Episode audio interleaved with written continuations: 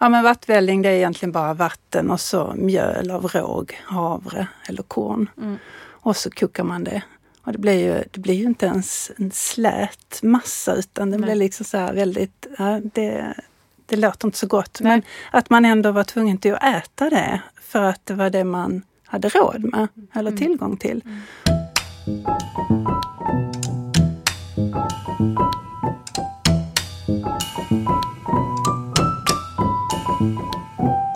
Det här är Matarvspodden. I denna serie möter jag, Lisa Häger, olika forskare och författare och pratar om mat som kulturarv.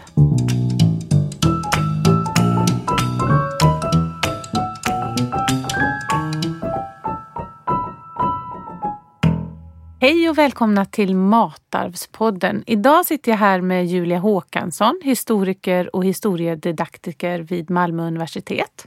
Hej! Och Kristina Scherer, eh, intendent vid Rydals museum och etnolog. Ja, hej! Vad är en historiedidaktiker, Julia? Ja, det är en bra fråga. Vi som forskar i historiedidaktik intresserar oss för hur människor förhåller sig till historia skulle man kunna säga. Så att eh, jag till exempel då forskar mycket om historiebruk och historiekulturer. Så därför mm. faller jag in under historiedidaktiken. Eh, traditionellt sett så är, är det riktat mot skolforskning men det finns andra forskare också som liksom, eh, är mer som jag som intresserar sig för kulturarv och, och historiebruk i bred bemärkelse. Lite hur man använder historien helt enkelt. Precis. Ah, spännande. Eh, då är det ju så här att ni är här för ni har båda två skrivit artiklar i Matarvets trådar, den nya boken inom matarv som eh, vi har släppt här nu under hösten 2023. Eh, vad har du skrivit om Kristina? Oj, ja, vad har jag skrivit om? Nej, men jag har hållit mig till Rydal mm. eh, och eh, tittat på vad, vad åt man där? Vad åt arbetarna? Vad åt eh, disponenten? Och ja, blickat lite utåt också kring Rydal och Sjuhärad. Men jättespännande. Och den artikeln skrev faktiskt du och jag ihop, eller hur? Eller hur? och vad skrev du om Julia? Jo, jag skrev om min eh, okynnesforskning som jag brukar kalla den. Eh, jag satt eh, tidigare i styrelsen på Svaneholms slotts museum och eh, arbetade med utställningar där inom ramen för det styrelseuppdraget. Och eh, jag har skrivit om eh, matrekvisitan som jag använder där och hur det har tagits emot av besökare. Jag gjorde en enkätundersökning med besökare ehm, under en sommardag och så har jag analyserat deras svar för att se om den effekten eh, jag var ute efter när jag valde att arbeta med en matrekvisita, om den införlivades. Mm. Och det är ju det temat vi ska ha idag på podden. Historiska rätter och matar på museer. Så eh, det ska bli jättespännande att prata lite vidare om det. Om vi börjar med att prata om mat på museer. Vad finns det för svårigheter med att, skriva, eh, med att ställa ut mat på museer? Den största svårigheten är ju att det går inte att ställa ut riktig mat. Eh, det, den är, är ju ofta en färskvara och eh, ruttnar eller blir dålig på andra sätt. Så att då måste man ju använda fejkmat. Ehm, det, det är väl den största utmaningen mm. Eh, och den mest självklara. Ehm, jag vet inte vad du säger?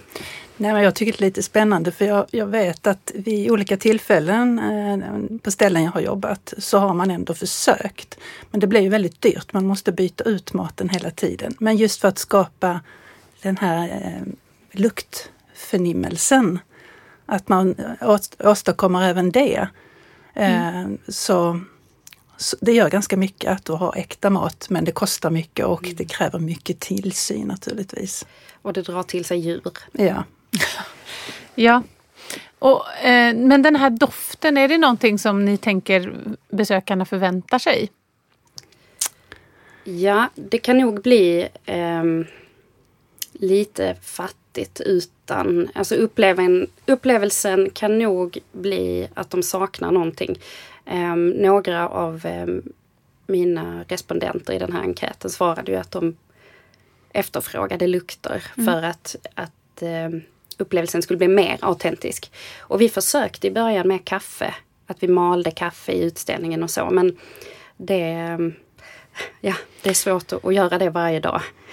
Det säger de ju annars är en sån mäklartrix att man sätter på kaffe och eh, slänger in lite bullar i ugnen för att folk ska känna att det är ett bra eh, hus att köpa.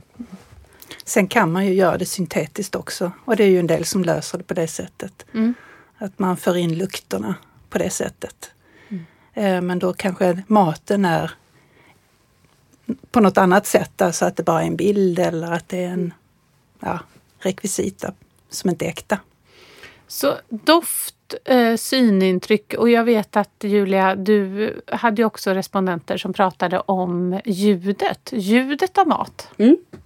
Det, det var väldigt roligt. Vi, jag en kompis till mig som är musiker, han hjälpte mig att eh, leta upp ljudklipp eh, på när man hackar olika grönsaker.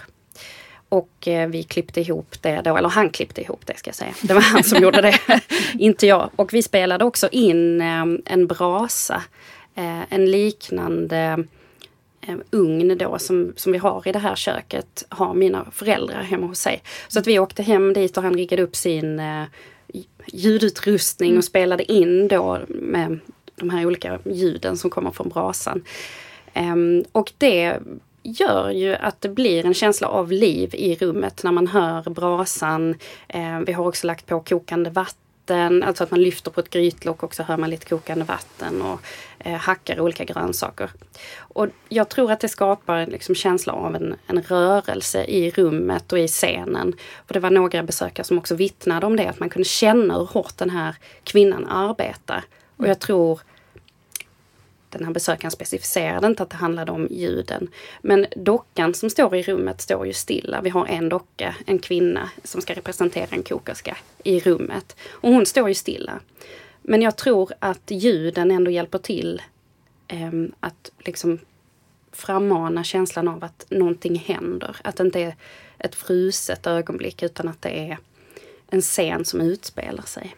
Men kan du inte beskriva, för det är två olika eh, delar av utställningen som handlar om mat. Vad är mm. det man ser, kan se där?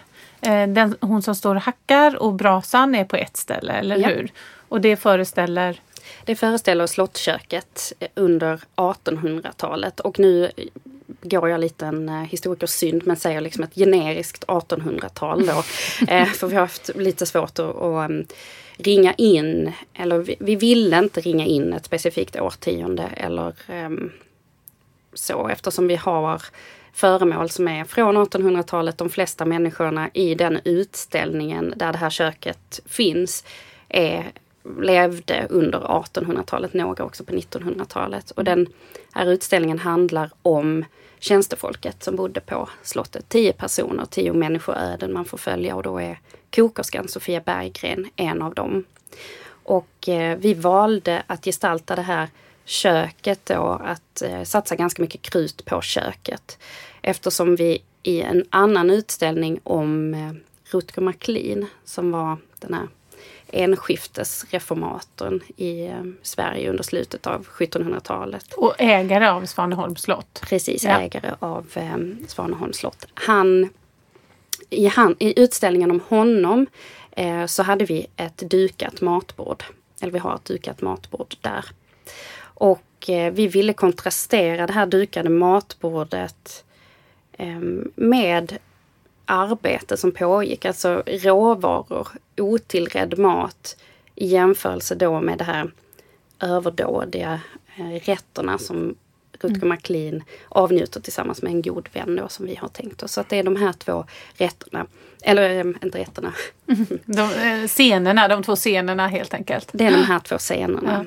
Ja. Ähm, matsalen och köket. Två ganska olika delar av, av slottsmiljön helt enkelt. Ja. Mm. Och ni står ju precis eh, i, eh, i startgroparna för att bygga en ny basutställning på Rydals museum, Kristina. Vad Tänker ni på mat då eller hur ser det ut?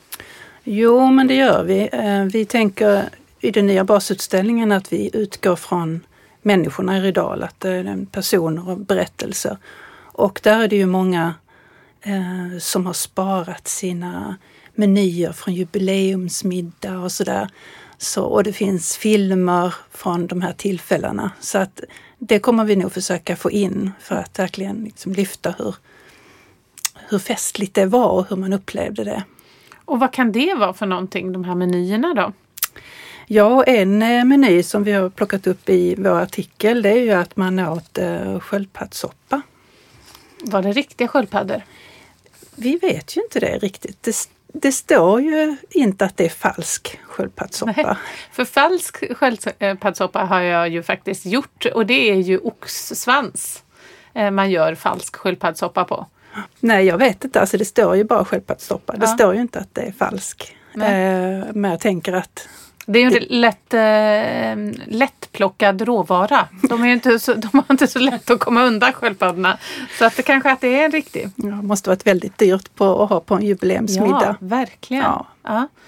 Eh, så det var ett exempel på en av rätterna som man kunde ha på menyerna. Men har ni hittat någonting annat då? Några andra typer av menyer? Är det jubileumsmiddagar? Är det guldbröllop? Eller vad är det man sparar? Har ni sett det? Ja men det är 75-årsjubileum, det är 150-årsjubileum och, mm. och så som eh, de har sparat. Och till och med liksom, eh, bordsplaceringarna finns kvar. Och då är det jubileum av fabriken helt enkelt? Exakt, Rydals manufaktur. Mm. Ja, och eh, då är vi inne på en annan spännande fråga. Vad hittar vi för mat i arkiven? Eh, det här är ju tydligt att man sparar de här jubileerna som hör med fabriken ihop. Men vad har du hittat Julia? Ja, här ehm, när vi började med eh, utställningen Rutger Macklin så visste jag inte riktigt var jag skulle leta. Så att jag kontaktade Rickard Tellström som ju är måltidshistoriker, etnolog. Och ehm, han eh, bad om räkenskaperna och tittade på dem. Mm. Eh, så räkenskaperna från ett år från Svaneholms gods. Och utifrån det så gjorde han då en lista på vad som skulle kunna ha ätits där. Eh, och det var ju helt fantastiskt att, att se. Men där, ehm, där krävs ju att man kan läsa de här räkenskaperna och förstå vad det har använts till. Och där kände jag att det, det är liksom utanför mitt kompetensområde. Så där anlitade vi honom helt enkelt. Mm. Så han tolkade helt enkelt eh, arkiven åt er? Ja. Ah, spännande. Mm. Och då, då var det baserat på inköp man hade gjort helt enkelt? Ja, inköp och eh, även eh, det man hade slaktat till exempel och så. Det skrevs också in i räkenskaperna.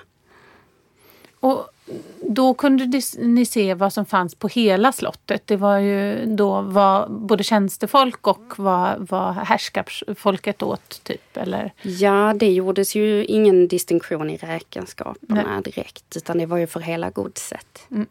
Mm. Och har, har ni hittat något motsvarande i räkenskaperna? Ja, men vi har börjat titta lite på det nu, men det är mer, eh, alltså det är mer utifrån fabriken. Eh, så det största eh, vi har att gå efter det är egentligen intervjuerna, alltså intervjumaterialet. Där vi har intervjuat både eh, arbetar, arbetarna och eh, ättlingarna då till de som bodde i disponentvillan. Men däremot har ni hittat räkenskaper för en annan typ av matrelaterad eh, insats. Eh, det vill säga svin... Vad heter, du får berätta vad det ja, heter. Det, det är ett krångligt ord, ett roligt mm. ord. Ja, det är det. Svinkreatursförsäkringsföreningen. Ja, och vad är det för någonting? Jo, men det var, alla hade ju eh, sin egen gris och eh, för att försäkra sig om att man verkligen Eh, hade den grisen sen till jul så hade man en förening, en försäkringsförening för detta och alla bidrog då med en, en slant till den och var det någon som då hade en gris som inte klarade sig eller som, alltså, som inte levde fram till jul och kunde bli slaktad, eh, dog eller blev sjuk då, så eh, fick den personen som ägde den grisen eh, hjälp från försäkringsföreningen. Så alla bidrog då med och ersatte den personen. Mm. Och det var ju både arbetare och eh, disponentfamiljen som var med så där gjordes det ingen skillnad. Alla hade en gris och alla ville ha den till jul. så där gjordes det ingen skillnad. Eh, det tycker jag är lite spännande och jag, jag är lite nyfiken på, jag har inte hört talas om någon sån här eh, försäkringsförening kring, kring svin någon annanstans. Jag undrar om det kanske det skulle vara kul att höra om det är någon mer som känner till det. Vi kan ju skicka med Julia det här och se om hon eh, träffar på någonting nere i södra Sverige när ja. hon åker hem igen. Ska spana. ja, Vi har ju också eh, funderat och pratat lite om det här med exotiseringen av mat. Eh, är det någon som vill börja där? Ja, men jag kan väl ta lite för att jag... Det är ju så, man springer på museer på fritiden jämt. och då eh, besökte jag ett museum i Malmö som eh, handlar just speciellt om, om mat och att det är mat eh, väldigt olika beroende på tid, kultur och olika anledningar till att man har mat. Och det var väldigt spännande att, att, ta del av allt det och där fanns ju faktiskt sköldpaddssoppa och det ja. beskrevs ordentligt hur, hur den gjordes och sådär. Och där fick man också lukta, men då var det ju syntetiskt, alltså man kunde lukta på de olika eh, födoämnena eller rätterna. Mm. Och hur, hur gjorde man maten exotisk i det sammanhanget då? Bara genom namnet på museet kan jag tycka. Mm, då får du säga vad det heter. Får jag säga det? Ja, det får du göra. Disgusting Food Museum. Ja. Så man väljer, för du har ju berättat att du kanske inte upplevde att innehållet på museet representerade namnet riktigt. Nej, för jag tyckte snarare att de försökte i sin utställning förklara varför, ehm, eller att det är ju så att vi upplever, för det första upplever vi dofter olika eh, och för det andra så, ehm, så är det, finns det liksom alltid en förklaring till varför maten är som den är. Eh, att det har något historiskt, en historisk koppling, en tradition.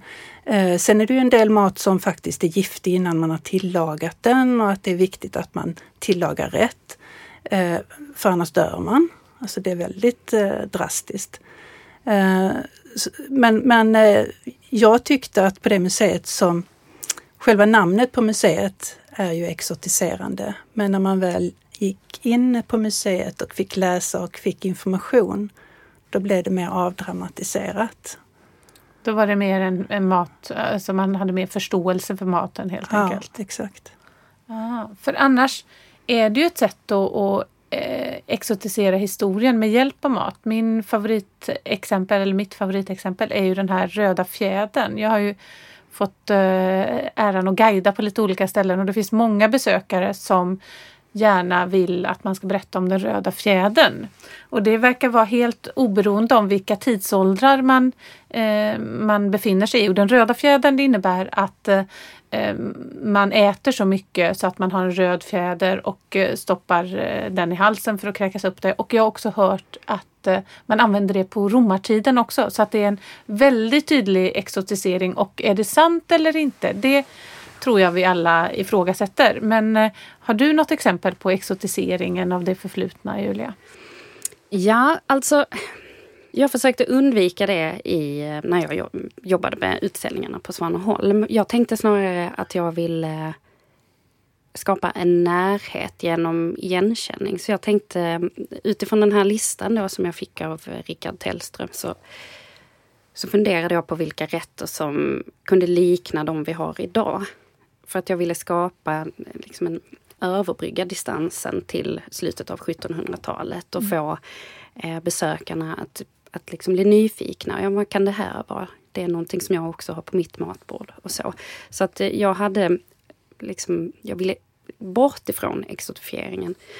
Um, och det, samma sak uh, gällde ju i, i, köket då, när vi ställde ut där, att vi valde en rätt som också många har en relation till idag, kalops. Ah. Um, och, Vad är kalops? Kan inte du bara berätta? Om det skulle nu finnas någon som inte äter det hemma? Ja, Precis, ja, det är ju en eh, köttgryta med mm. grönsaker. Ja. Um, ganska få ingredienser. Um, traditionell svensk ja. rätt. Rotfrukter. Liksom. Ja, mm. rotfrukter, mm. precis.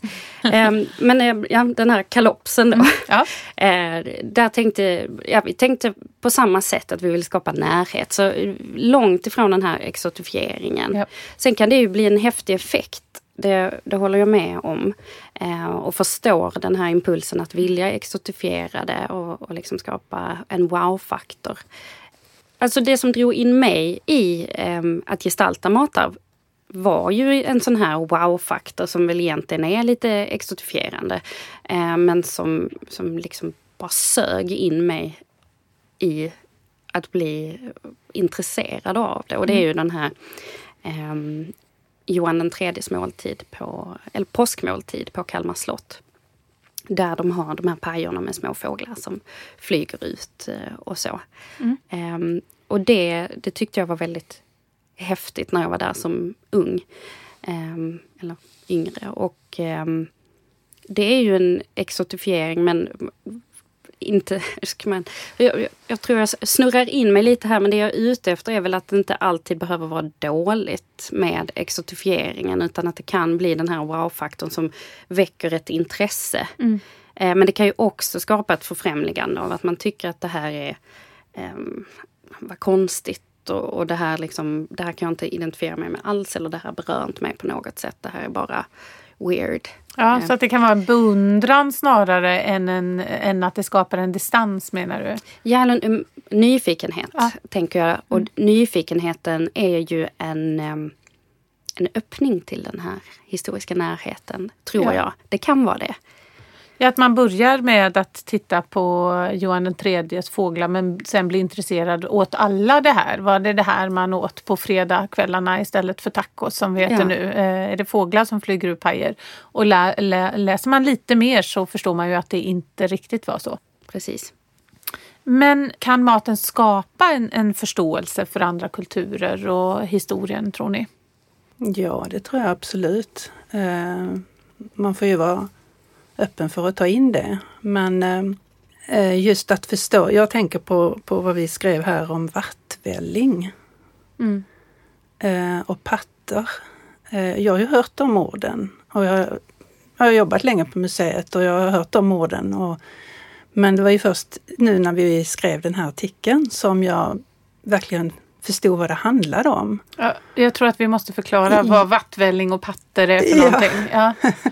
ja men vattvälling det är egentligen bara vatten och så mjöl av råg, havre eller korn. Mm. Och så kokar man det. Och det blir ju, det blir ju inte ens en slät massa utan det Nej. blir liksom så här väldigt, ja, det, det låter inte så gott. Nej. Men att man ändå var tvungen till att äta det för att det var det man hade råd med mm. eller mm. tillgång till. Mm.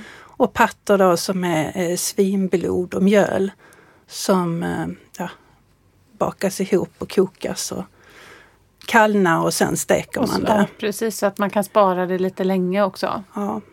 Nu kommer jag inte ihåg var vi började i detta men...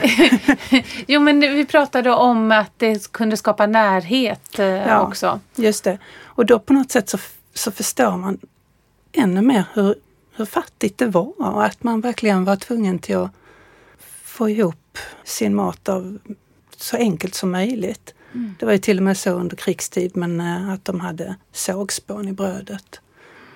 Och det är ju på något sätt eh, själva motsatsen till Johan den tredje på något sätt. Alltså den här eh, det överdådiga kontra det minimala liksom. Och båda två känns ju väldigt långt ifrån våran vardag nu. tänker jag. Eh, så det är ju hur det ska presenteras utan att skapa distans. Mm. Eh, och det tyckte jag du förklarade på ett fint sätt Julia. Och, eh, och då är frågan om man skulle våga servera lite vattvälling för dagens museibesökare. Att man kan välja och få det i museikaféet. Ja, precis. Vi får sälja den väldigt billigt då, tror jag. Ja, för det är ju det att det är ju det som vi på något sätt hela tiden har, har har cirkulerat kring att man ska presentera mat utan det mest väsentliga i maten, det vill säga ätandet. Mm. Det är det man inte bjuder på. Har ni resonerat någon gång kring att man skulle vilja också servera eh, mat som är historisk i, i, i samband med, med utställningen? Det hade varit jättekul om det gick. Um, men um, ja, Svaneholm har ju så många museer en regel om att man inte får äta i, i museilokalerna. Eh, så att, eh, men ett um, samarbete med restaurangen hade ju varit jätteroligt. Det finns en restaurang på Svaneholm också så det hade ju varit jättekul att ha eh, ett samarbete där. Um, och det tror jag säkert att, att hade, hade man vetat då som besökare att ja, men jag kan äta någonting av det här i kaféet. Då hade det säkert gett något extra till upplevelsen. Mm. Men just i museilokalerna, där går det inte.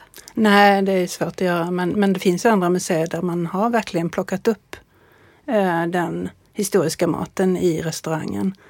Um, det... ja, man kan ju äta äggost på Bohusläns museum. Ja. Eller jag vet inte om man kan det fortfarande men jag vet att man har kunnat det. Ja, precis. Eh, och äggost är en sån traditionell bohuslänsk eh, maträtt. Mm. Och också ganska lätt då att servera till skillnad från eh, pattor. Mm. Eller patter. Patter. patter. Precis. När man presenterar maten så väljer man ju också någonting eh, som representerar en identitet. Det har ju du så fint berättat eh, Julia om att man presenterar eh, Rutger McLean och även eh, hon heter Berggren. Sofia Berggren. Sofia Berggren, kokerskan. Och tror du att folk som eh, besöker museet identifierar sig med någon av de här personerna? Eller hur, vad tror du? Jag tror att fler identifierar sig med kokerskan Sofia Berggren än med den här riksdagsmannen, eh, mm. adelspersonen eh, Rutger McLean. Eh, det tror jag om man tittar på liksom, besökardemografin och så. Och jag tror också att fler har en, ett förhållande till hur det är att vara i ett kök. Mm. Än att um, vara en, en rik slottsherre som serverar mat. Eh, så så att det, där tror jag att köket verkligen eh, har lättare att dra in folk i själva upplevelsen av att befinna sig i ett riktigt kök. Men sen så var det ju vissa detaljer på det här Rutger McLeans bord som också fick folk att eh, liksom eh, identifiera sig med det som var uppdukat. Det var en som hade uppmärksammat att vi hade vridna citronskivor på laxen. Och eh, hen skrev att eh, det här hade min grandmother också, alltså farmor eller mormor. Mm. Um, så att uppenbarligen så slog det an någonting, just den här lilla detaljen. Mm. Och det är ju det som är så roligt med maten. Man vill att de ska gå nära och titta eh, och, och, verkligen eh, fundera på vad det är. Och det har ju den här besökaren då gjort och, och sett den här detaljen och det har slagit an ett minne hos henne som jag kan förmoda är ett ganska kärt minne då eftersom hon väljer att ta upp det i den här eh, studien. Då. Ja, och det är ju spännande. Det är ju den här upplevelsen som sker mittemellan utställningen och besökaren. Att när man binder ihop det man ser med sin egen verklighet på något sätt. Och det är väl det som ni har framför er nu då Kristina när det gäller att bygga den nya eh, basutställningen?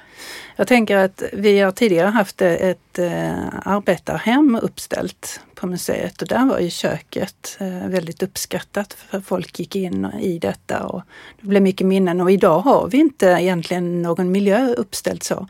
Men eh, vi har ett utrymme där vi har flera olika föremål och bland annat då köksredskap. Och det är köksredskap som är av denna tid men också äldre. Och där sker ju, där sker ju en sån här minnesöverföring mellan besökare, både gamla och unga. Då.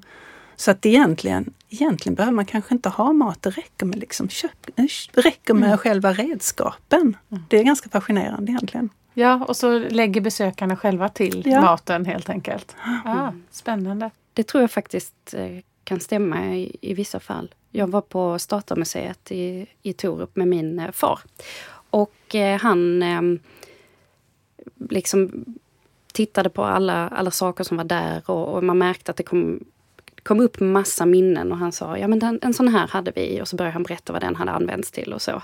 Mm. Eh, och det tyckte jag var helt fantastiskt roligt. För det var ingenting som vi hade eller jag hade inte förväntat mig att det skulle hända när vi åkte dit. Vi åkte dit för att eh, för barnens skull så att säga. Mm. Eh, och, och, det blev liksom just med de här föremålen och hur de hade använts. Det var just köksföremål och, och sådant. Mm. Men jag, genom att titta på dem kunde jag inte se vad de skulle användas Nej. till. Men han hade ju väldigt tydliga minnen från det. Eh, och det tror jag är, är superviktigt att man bevarar de här minnena. För att som vi på Svaneholm, vi hade mycket föremål från, alltså olika köksföremål.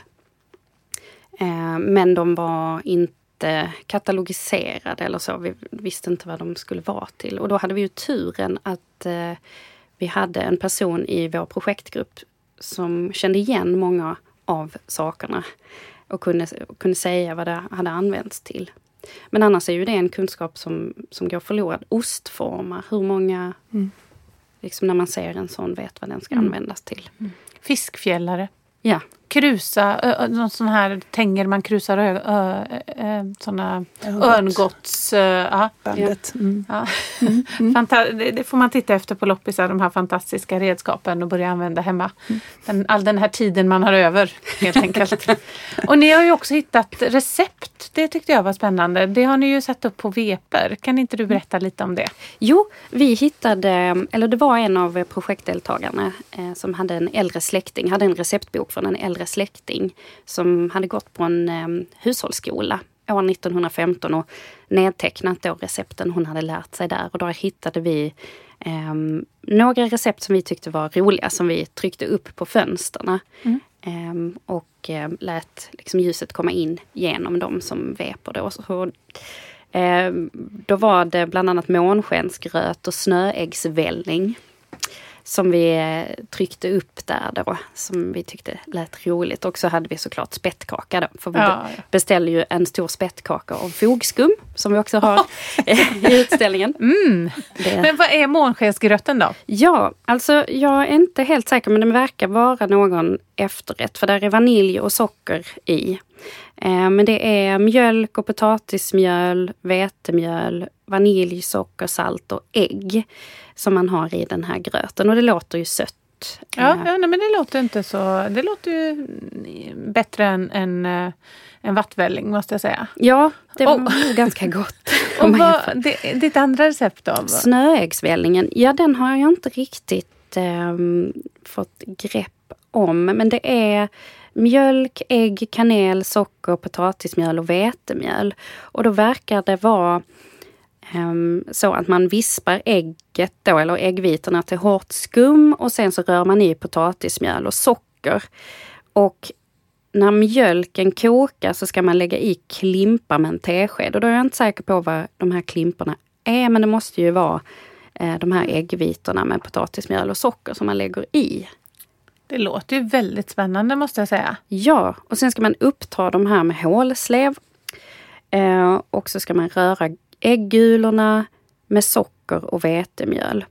Och sen så ska man då eh, översila den kokande mjölken under kraftig vispning. Så att det är några saker här som jag inte riktigt får Nej, ihop. nej, nej. Jag blir jättesugen på att testa. Ja, Vi kanske kan dela de här recepten sen i våra sociala medier. absolut. enkelt.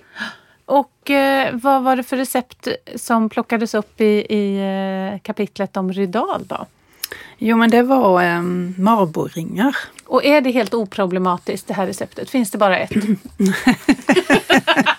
Om vi säger så här, det var, det var väldigt lätt att eh, googla receptet men det var väldigt svårt att få fram ett recept som eh, hos oss eh, som man ville dela med sig och som är liksom så här precis. För här är det ju då lite salt och lite socker. Det är liksom inga mått utan det är, och en kopp vatten det är ju få recept idag man har en kopp som ett, ett mått. Men eh, vi, fick, vi fick tag på det här receptet och eh, det är faktiskt så att om vi pratar om att äta på museum så de här marboringarna de serveras på kaféet som vi har på museet. De finns i princip alltid där. Eh, eh, Och ska vi berätta, marboringar det är som, nu, jag ber om ursäkt för alla liksom, eh, markbor kring det här, men jag kan säga att det är som en sockerkringla lite grann med en rund form. Ungefär, inte exakt. Din farmor gör mycket godare än så. Jag är helt, jag backar. Ja, och sen är det garnerad med pärlsocker. Ja. Men vad som är lite speciellt är ju att det är jäst i den här degen så det är ju inte en, en mördegskaka utan det är med jäst. Det är som, ett- mer som en bröddeg faktiskt. ja väldigt specifikt för eh, just eh, Marks kommun, eller Marks härad ska vi väl kalla det mer än kommun va? Ja, Marks härad får vi väl ta, kalla det historiskt sett i alla fall. Om vi nu ska avsluta med fem exempel på det lite grann vi har pratat om när det gäller mat i museer, det vill säga skådebröd. Eh, nu känns det ju som att vi är inne i tiderna av skådebröd så jag skulle vilja börja med ett exempel och det är ju alla de här sakerna vi ser på sociala medier när man delar någonting man har ätit eller ska äta, man är på någon fancy eh, restaurang och tar ett foto på, på det man ska äta och eh, presenteras så fantastiskt som möjligt. Och man vet ju inte ens om de äter upp det efteråt eller inte utan det känns som att det handlar om att man vill presentera en glamorös livsstil eller vad säger ni? Mm. Absolut. Ja. Mm. Eh, så det tänker jag kan vara det första skådebrödet, det, det nutida skådebrödet. Men sen har ju du ett exempel på annat skådebröd. Som vi redan har pratat om till ja, exempel. Om vi tar då Johan den tredjes påskmåltid eh, som den är gestaltad på, på, eh, på Kalmar slott. Eh, så har vi ju de här fåglarna som kommer ur pajorna och eh, även, man kunde även baka in små kaniner och så. Eh, som liksom skulle hoppa på bordet och, och skapa kaos. Och hur presenteras det på Kalmar slott? Då? Jo men det är ju fantastiskt för det är liksom en paj som är där småfåglar flyger ur pajen. Mm. Eh, så de sitter väl på ståltrådar då. Så är det liksom pajskalet är ju, eh, har spruckit där då. Så flyger de ut. Ah. Eh, så det är väldigt fint gestaltat. Och det är ju ett väldigt tydligt exempel på skådebröd. Man skulle inte äta de här pajerna utan det var ju bara för underhållning. Där maten liksom blev en integrerad del i bordsunderhållningen. Kan man mm. säga. Ja, vad fint. Det kan man ju fundera på om det är någonting för eh, för helgens begivenheter helt enkelt. Ja, man ska ju vara rädd om småfåglarna. Inga fåglar får skadas under tillverkningen. Nej, precis. Nej. Och sen eh, finns det ett annat skådebröd som är lite tematiskt framåt jul, Kristina. Ja, i våra trakter så finns det något som heter gummekaka. Alltså gumme, inte gummi, utan gumme. och eh, det är, det är södra delen av Mark eh, som den traditionen fortfarande lever kvar. Och det är gudföräldrarna som ger sitt gudbarn en, ehm, en kaka, en, eh, en gåva som är en söt kaka eller ett vetebröd och sen så massor med godis och annat gott. Och det, den gåvan ger man då eh, lilljulafton, alltså 23 december. Eh, och eh, den ska väl ätas upp, eh, görs också så och sedan gudbarnen ger present till gudföräldrarna. Och varför det heter gumme då, det är det, är det dialektala ordet för gudfar och gudmor, gummemor och gummefar. Det låter ju jättetrevligt. Det ska jag föreslå till mina gudbarn ja. att vi kan, kan börja med. Och eh, Julia, du har ju tittat på ett annat skådebröd som också är lite modernt. Det här med eh, fejkmat mm. eller vad man ska säga. Ja, där hamnar jag djupt ner i, i träsket kan man säga. eh, när jag insåg att jag behövde, eller att jag ville ha råvaror och eh, liksom plastmat då, eller fejkmat i utställningen, eh, så började jag ju att söka efter det. Och eh, hittade ju liksom många företag som specialiserar sig på detta.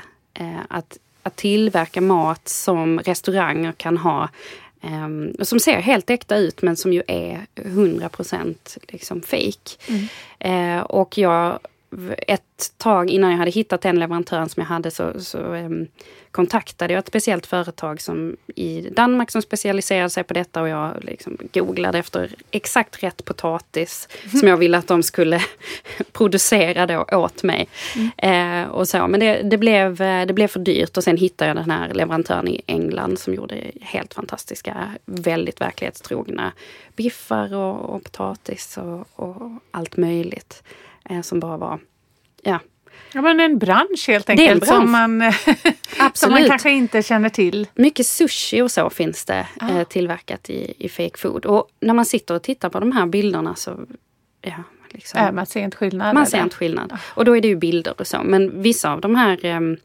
eh, ja, fejkmaten som jag har i utställningen tycker jag är helt eh, makalös. Ja, ja. Kanske ser godare ut än... Eh, ja. Ja. Alltså jag var vegetarian när jag gjorde den här utställningen och vi fick de här eh, kött, ja, biffarna. Som ser, alltså de ser så goda ut. och jag är, jag är inte vegetarian längre och det har inte att göra med de här biffarna. Men jag blev, kanske lite. Kanske lite. Eh, blev väldigt sugen i alla fall varje gång jag gick förbi dem. Mm. Nej men en av de fem kanske kan vara spettekaka. Berätta mer om det. Jo, det är ju en skånsk högtidsrätt skulle man kunna säga, eller efterrätt, som eh, jag har väldigt kära minnen av personligen. Mina äldre släktingar brukade ofta duka fram en spettkaka när det var dags för efterrätt på kalas och så. Mm. Eh, och jag har ett minne av att en äldre släkting hade en speciell spettekakesåg. Hur stor var den ja, sågen? Ja, den är väl ungefär 20 centimeter. Så mm. lite trähandtag och en liten klinga där då. Och på en eh, julmarknad så hittade jag en sån här spettekakesåg och blev liksom lyrisk. Jag köpte den här spettekakesågen och har liksom visat upp den då vid, vid åtskilliga tillfällen för folk som inte tror på att det finns spettekakesågar. Ah. Eh, men nu, alltså i min familj så har vi tappat bort det här. Eh, de äldre släktingarna finns inte kvar och liksom de nya generationerna är inte intresserade av att servera spettekaka. Men gör man den själv och hur smakar den? Nej, man gör inte den själv utan det är ju speciella spettkakebagerier som gör dem. Eh, och eh, jag tycker att den är god. Den smakar lite mm. som maräng. Mm. Mm. Här finns skilda meningar. Här finns det ju också två stycken eh, personer i studion med eh, skånsk bakgrund. Ja precis, jo men ja, vi åt alltid spettkaka eh, vid festliga tillfällen mm. och det var ett måste. Och jag tycker den är, jag tycker den är jättegod. Ja. Den är, alltså vi bestämde när vi införde spikning på vår institution på Malmö universitet. Berätta vad spikning är. Spikning är eh, tre veckor innan eh, man disputerar då. Om man har doktorerat så har man skrivit en avhandling och när den här boken har gått till tryck eh, så ska man spika upp den för att offentliggöra den. Ja. Och det är en, en högtidlig ceremoni, universitetsceremoni kan man säga. Och eh, det här var lite nytt på vår institution och vi började då att liksom diskutera hur ska vi göra när vi gör det här, vi får ju göra det på vårt sätt. Och vi föreslog, några av oss föreslog spettkaka. och eh, vi gick ju in för det här med liksom eld och lågor och så också att det fanns här, eh, speciella spettkakor man kunde beställa med hallon smak och så vidare. Oh. Dit, eh, alltså, det gjorde vi inte. Utan vi tog en traditionell eh, och vi var då ganska många som disputerade ett antal fredagar efter varandra så det blev mycket spettkaka. Mm. En period och nu eh, Ja, alltså det var väl skilda meningar då om hur gott det här var mm. och, och liksom folk tog mindre och mindre av de här spettkakorna. Eh, och nu när det är dags för nya personer att eh, disputera så, så, frågar vi, eller har jag frågat om de kommer ha spettekaka och då är det liksom, ja det är mycket tvivel där. Ja. Eh, så att eh, det är verkligen skilda meningar. Jag tror, jag misstänker att det här är en sån en kaka som man kanske måste ha de här speciella minnena av för att mm. också eh, tycka att den är något särskilt. Men det är väldigt fint att se den tillverkas också. Mm. Mm -hmm. Hur gör man då? då? jo men det är, det är verkligen en konst att, att göra detta för att det måste vara rätt temperatur. Du har den på ett spett och sen så snurrar du det här spettet och sen den här smeten ska ju då fördelas på spettet som blir innandömet eller hålet så att säga i spettkakan. Mm. Och då måste den ju gräddas under tiden som du snurrar och fördelar smeten. Och det måste bli, du måste ha precis rätt temperatur. Så det är verkligen en konst. Ja, det är ett hantverk. Det är ett hantverk. Ja. Så det är därför den heter spettekaka helt enkelt. Mm, för att den, den sitter på ett spett. den sitter på ett spett. Jag börjar fundera på hur ugnarna ser ut och väldigt mycket. Ja, men det låter jättespännande det här. Ja. Eh, jag, jag stödjer dig Julia i det faktum att eh, det kan serveras spettekaka för att det kan ju vara viktigt som skådebröd mm. och representant och kanske inte bara för smakens skull. Just smaken kanske inte 10 av 10 men det finns ju eh, saker man eh, mycket mindre vill äta än spettekaka tänker jag. Det är ju ändå socker. Absolut. Ja. Sen har vi ju en annan, det här skådebröd som är mittemellan eh, skådebröd och eh, riktigt, eh, riktig mat och det är ju julhöga Kristina. Ja, julhöga. Ja, det är ju en jättegammal tradition. Eh, då går vi tillbaka till det gamla bondesamhället. Mm. Eh, där där eh, de som arbetade på gården fick en julhög som julgåva eh, av eh, ja, de som äger, ägde gården. Eller de arbetsgivarna helt enkelt. Mm. Och den julhögen bestod av i botten väldigt grovt bröd. Och sen ovanpå det så satte man ett lite ljusare bröd och sedan högst upp eh, vetebröd och det var ju väldigt fint med vetebröd. Eh, och sen kunde det ju vara frukt också. Så att det var och lite mm. annat så. Men, men det var ju mat. Julhögen bestod av mat. Men lite extra god mat helt ja, enkelt? Ja, och så ganska mycket då också. Ah, ja. Så att eh, du får ju en, du får en hel limpa själv. Lyxigt! Och så skulle det räcka ett tag eller? Ja, och så, så man tänker sig då julbordet och den placerades ju på var och ens plats vid julbordet mm. så att den, den det blev ju verkligen som ett skådebröd på bordet direkt. Också en sak att ta upp inför julbordsdukandet helt enkelt. Definitivt. Ja, det har varit jättespännande att prata med er idag om mat på museer och historiska rätter. Och tack så mycket Julia och Kristina för att ni kom till Matarvspodden. Tack så tack, jättemycket tack. Kul att vara med. Mm. Matarvspodden produceras av Kulturarvsakademin vid Göteborgs universitet. Vill du veta mer om mat som kulturarv? Läs gärna boken Matarv som finns på Carlssons bokförlag. Och vill du veta mer om Kulturarvsakademin? Sök på webben.